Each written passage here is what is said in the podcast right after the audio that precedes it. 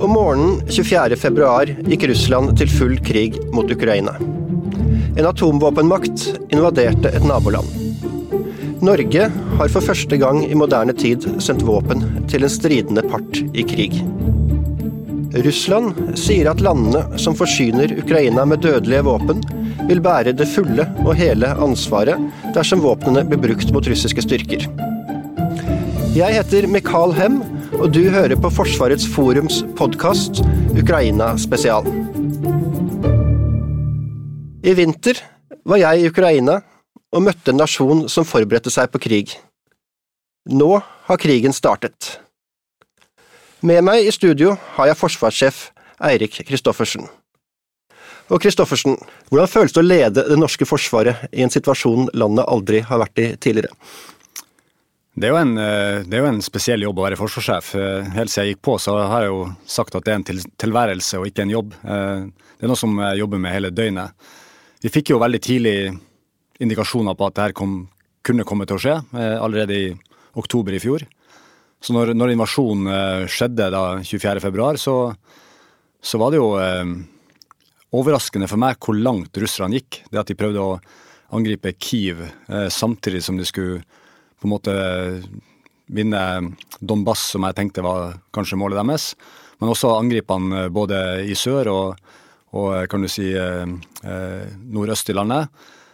Omfanget av det var, var noe som jeg tenkte at nå strekker det seg litt for langt.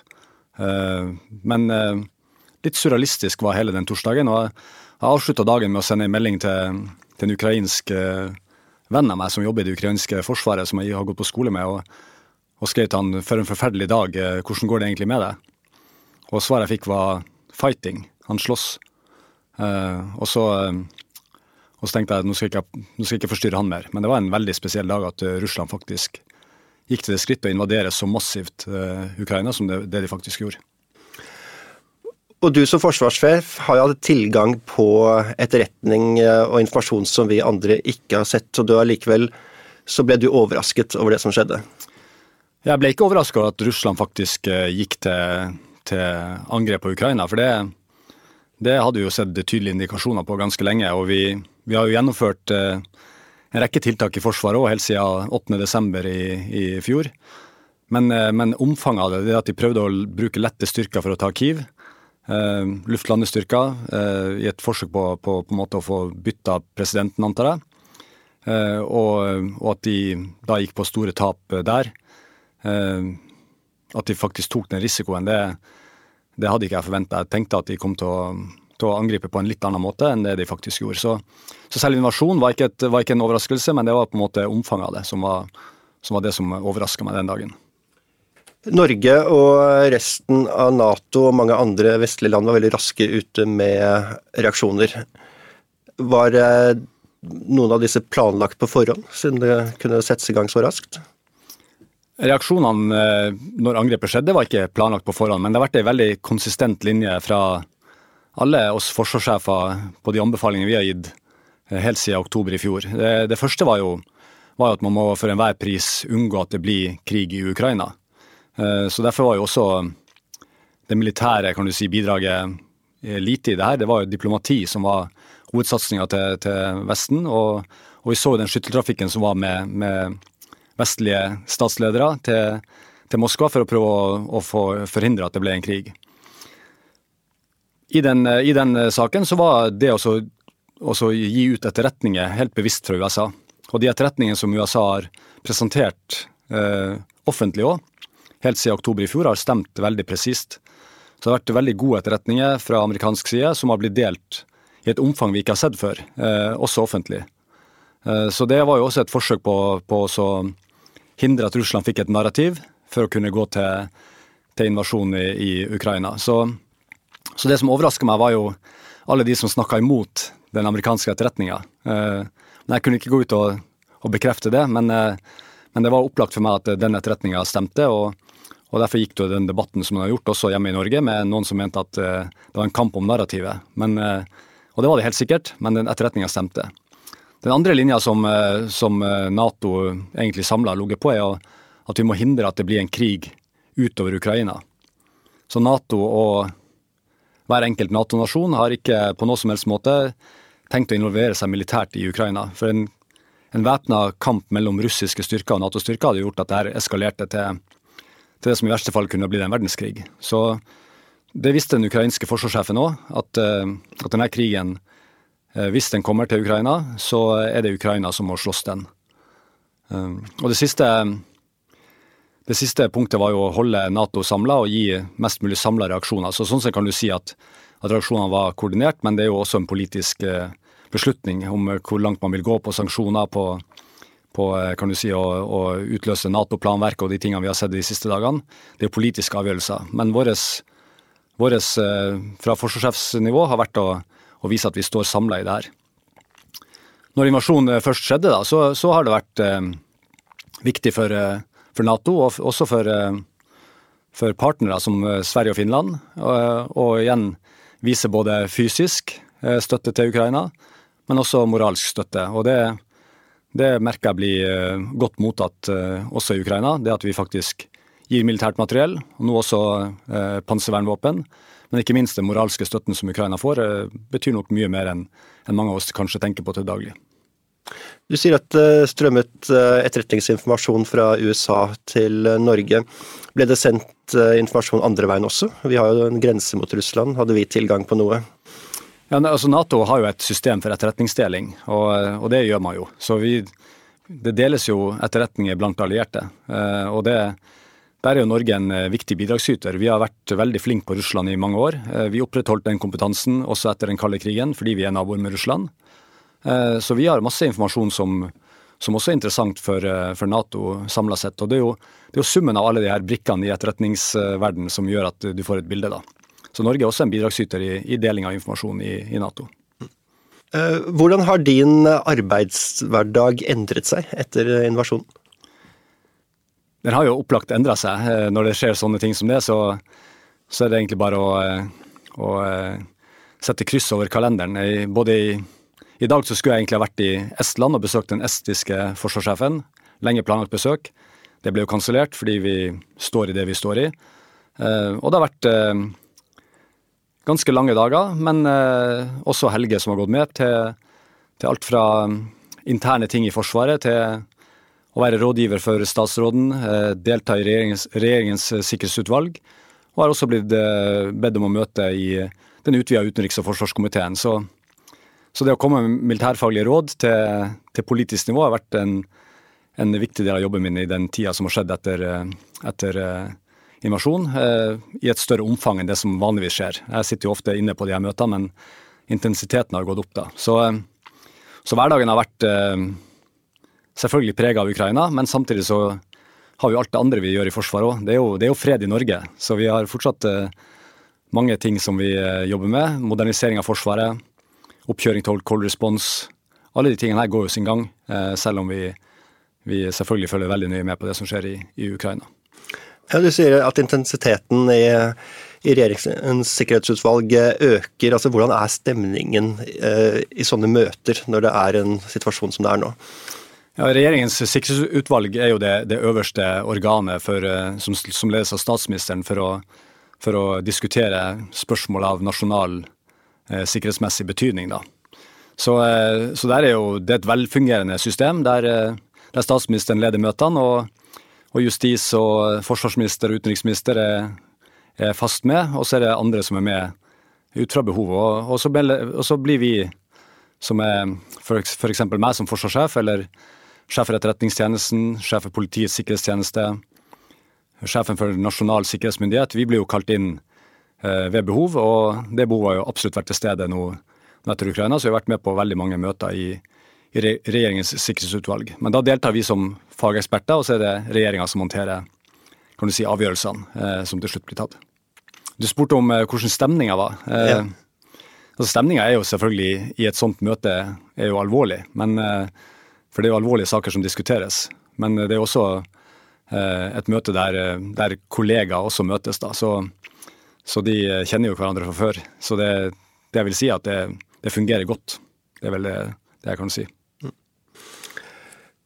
Hvordan Vil en krig nå mellom de to største landene i Europa, et av dem verdens største land, påvirke Norges forsvars- og sikkerhetspolitikk? Denne, denne, krigen, det Russland har gjort nå, eh, det kommer til å påvirke situasjonen i Europa og verden i lang, lang tid fremover.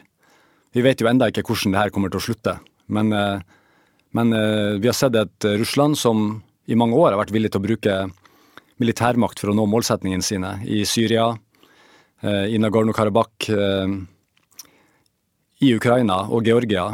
2008 i Georgia, 2014 på Krim og, og i, i, Donetsk og Luhansk. Og så går de nå til angrep på et land som eh, er et selvstendig, fritt land. De bryter folkeretten, de bryter internasjonale, eh, internasjonale regler i et omfang som vi tenkte tilhørte historien sånn i Europa. da. Eh, så, så hva hva konsekvensene blir fremover, det, det avhenger selvfølgelig veldig mye av hva, hvordan det går i Ukraina, hva som skjer i Russland eh, i uken, månedene, årene fremover. Men det kommer til å ha betydning for, eh, for hele sikkerhets... eh, i hele Vesten eh, i lang tid fremover. Det kommer det til å, til å gjøre. Eh, og hvilke endringer i trusselvurderingene må Norge gjøre pga. krigen? Ja, Per nå så ser vi ikke noe økt trussel, verken militært eller sivilt, mot Norge. Norge er jo en, et av de landene som har vært eh, foregangsland i humanitær støtte til Ukraina. Vi deltar i, i sanksjonene eh, mot Russland. Og vi har også gitt militær støtte, som, eh, som, du var inne på i starten, til Ukraina. Og det er klart, hvordan Russland reagerer på det her, det vet vi ikke ennå. Men eh, vi har ikke sett noe økt trussel mot Norge, verken militært eller sivilt. Heller ikke i cyber direkte eh, nå de siste ukene. Så, så foreløpig så så er jo trusselsituasjonen i Norge eh, den, er, den, er, lav. Eh, hva som kommer til å skje på sikt, det gjenstår jo å se. da. Eh, Russland har, eh, har, gjennomført en øvelse med atomvåpen for å vise avskrekking. Eh, de har brukt veldig mye av militærmakta si i Ukraina nå. Eh, så vi vil jo se et, sannsynligvis et ganske så svekka militært Russland hvis, eh, hvis, de fortsetter å gå på de, de tapene de gjør i, i, Ukraina nå. Eh, og hva det betyr for fremtida, det gjenstår å se. Men det er klart at, at mange nasjoner i Europa har allerede begynt å, å øke sine forsvarsbudsjett betydelig. Samtidig som, som vi i Norge også har, har innført både beredskapstiltak på militær og sivil side, som gjør at vi skal stå bedre rusta mot det som eventuelt måtte skje. Russland er jo vårt naboland og det som eventuelt vil bli en fiende og en trussel eh, om det skulle bli en konflikt. Så nå har du hatt mulighet til å se hvordan eh, landet driver krig på ganske nært hold. Hva kan du lære av det? Det, det jeg først vil si er jo at, eh, at vi, er, vi, er, det eneste nabolandet til Russland som aldri har vært i krig med Russland.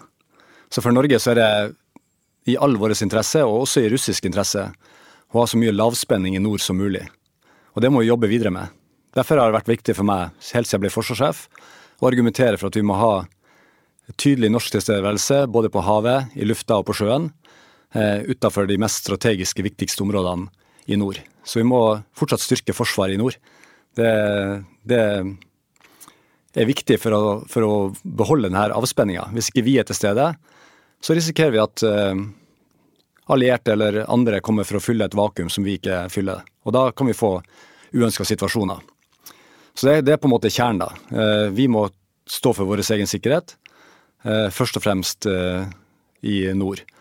Og så vil vi jo igjen være helt avhengig av at vi er medlem av en sterk militær allianse. Nato er viktig og vil forbli viktig.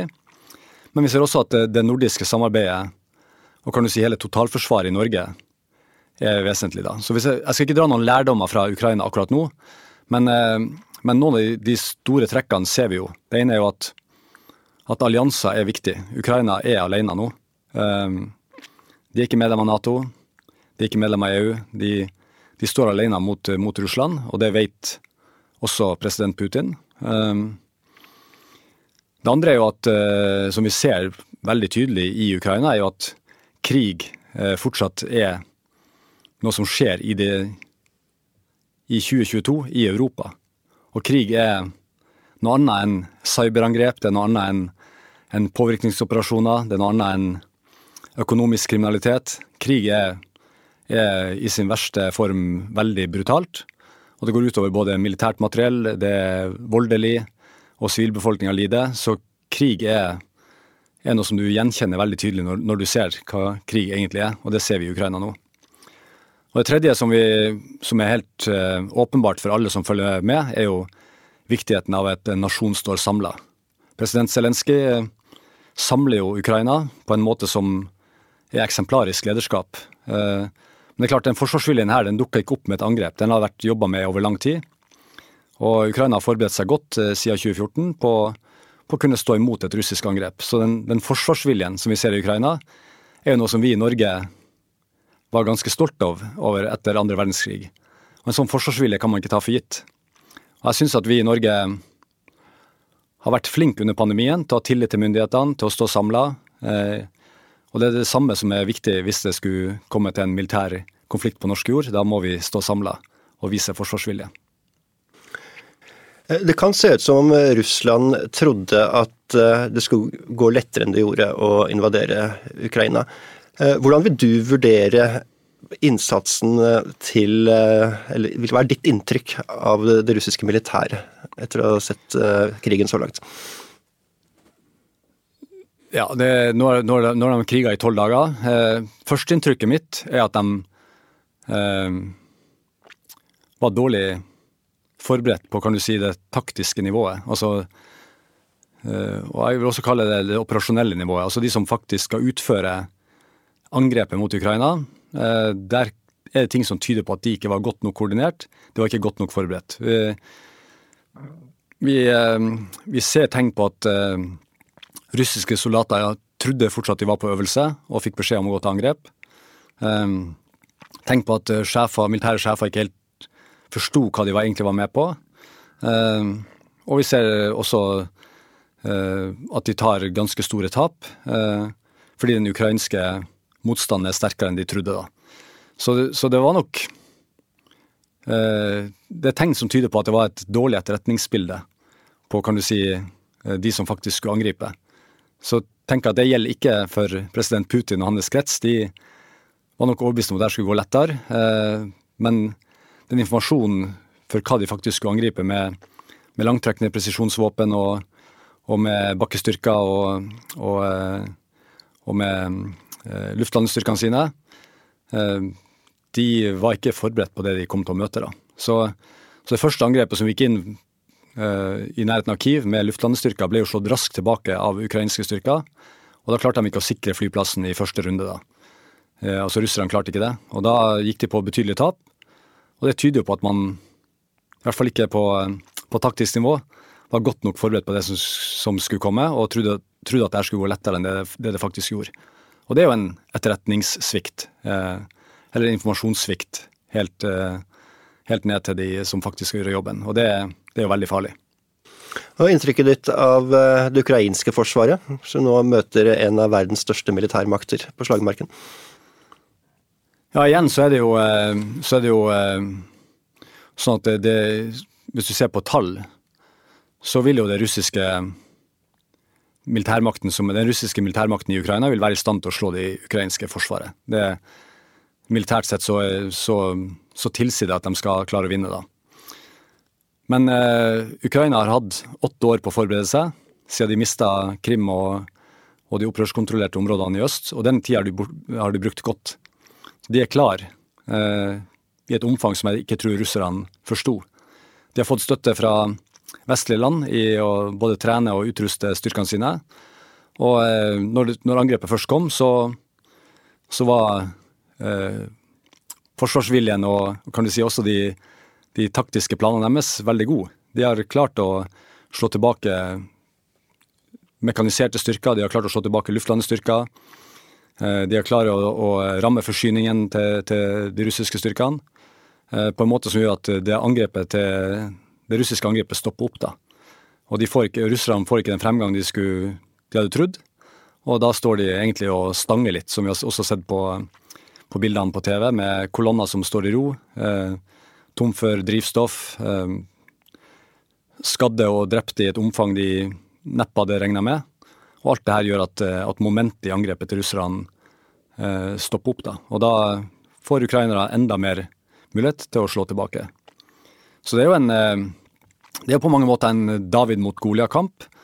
Eh, mot Goliat-kamp, der, eh, der, de ukrainske styrkene biter fra seg på en måte som, som viser at, at små, veltrente, motiverte forband kan vinne mot større militære forband. Norge har sendt M72 panservernraketter til det ukrainske forsvaret. Eh, hvilken betydning vil dette våpenet ha for den ukrainske motstanden? Ja, sånn Isolert sett så er det jo et uh, veldig enkelt våpen å bruke, som, som er et uh, typisk panservernvåpen mot lettpansra kjøretøy, først og fremst.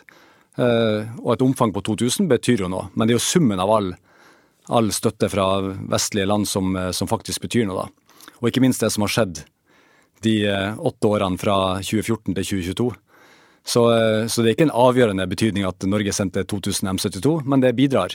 Eh, og det er et eh, vesentlig bidrag. Det, det er våpen som kan gjøre en forskjell hvis du ligger i nærforsvarsstilling og skal forsvare deg, og du får pansra kjøretøy mot deg, så, så, kan M72 utgjøre en forskjell. da. Men det er summen av all, all støtte, og så er det viktigste kanskje igjen tilbake igjen til det moralske sida av det.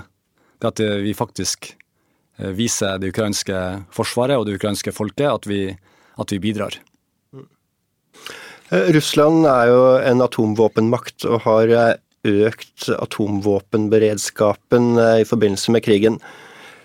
Tenker du på hva som vil skje med verden dersom atomvåpen blir tatt i bruk?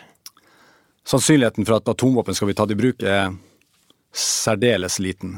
Atomvåpen er Russland sin måte å avskrekke Vesten fra å gripe inn i konflikten i Russland på, men også fra å angripe Russland. Så terskelen for å bruke atomvåpen er, er så høy at, eh, at, jeg, at, jeg, også har sagt og mener det, at eh, sjansen for atomkrig i Norge er, ikke, er så liten at vi trenger ikke å tenke på det. Eh, det som har vært mer bekymringsverdig, har jo vært de atomkraftverkene i Ukraina som, som er midt i, i kamphandlingen. Eh, vi har sett at det, tok, brann, tok fyr i administrasjonsbygget til det ene atomkraftverket i, i sørøst. Og det er klart en sånn atomulykke, da. Og vi husker Tsjernobyl, i hvert fall husker jeg det som vokste opp på den tida. Eh, hvordan en sånn ulykke atomkraftverk kan, eh, kan, få alvorlige konsekvenser for både mennesker og, og miljø. Det er den største bekymringa rundt krigen i Ukraina. Jeg har ingen tro på at Russland, uten å være eksistensielt trua, vil bruke atomvåpen. Og Russland er ikke trua. Hvis Putin avslutter krigen i dag, så er fortsatt ikke Russland trua, og det vet president Putin òg.